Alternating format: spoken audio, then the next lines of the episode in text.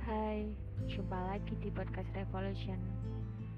Kali ini kita akan membahas novel dari Terelie yang berjudul Hujan.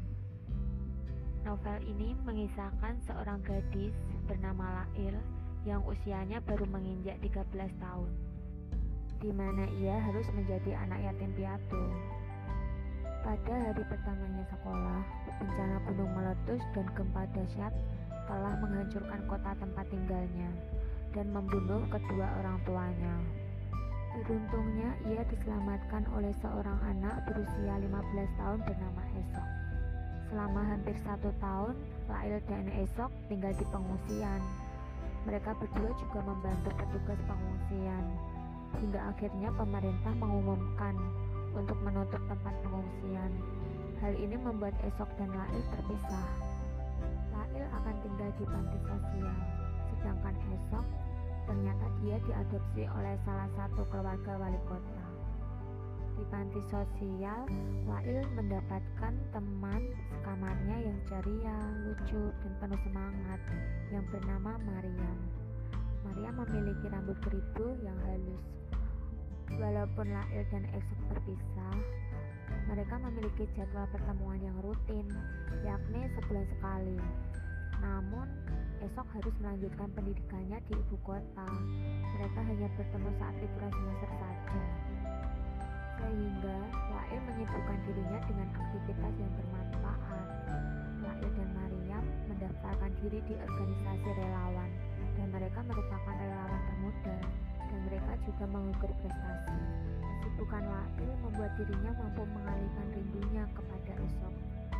Esok selalu datang mengunjungi Lail dengan membawa sepeda merah yang dulu saat bencana selalu mereka pakai, lengkap dengan topi yang Lail berikan.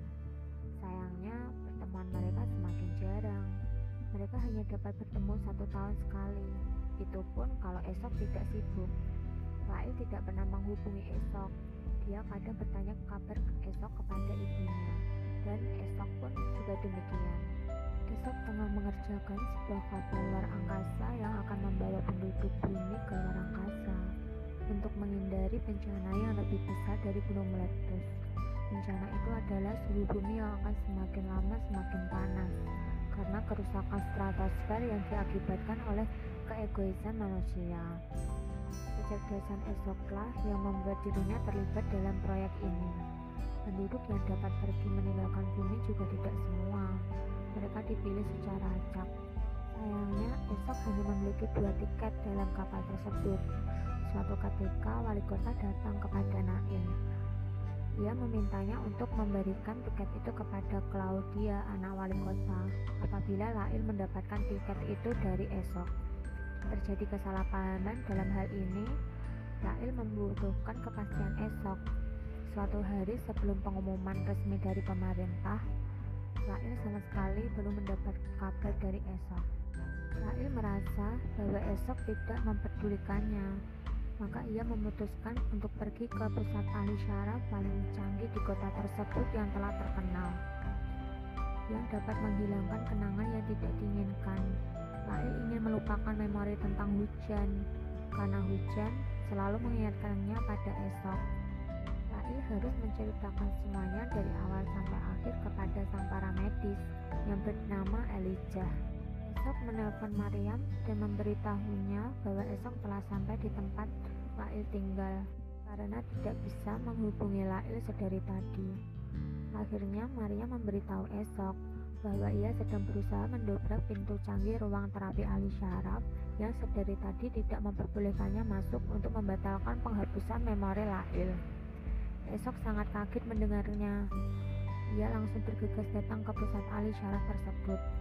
Mariam dan Esok sudah pasrah karena tidak dapat membuka pintu tersebut. Namun beberapa saat kemudian, Lail keluar dan Esok langsung meminta maaf dan menjelaskan semuanya bahwa ia tidak jadi ikut menaiki kapal tersebut dan selama ini tidak dapat menghubungi Lail karena seluruh ingatan Esok sedang disimpan untuk mencegah jika ada masalah dalam kapal.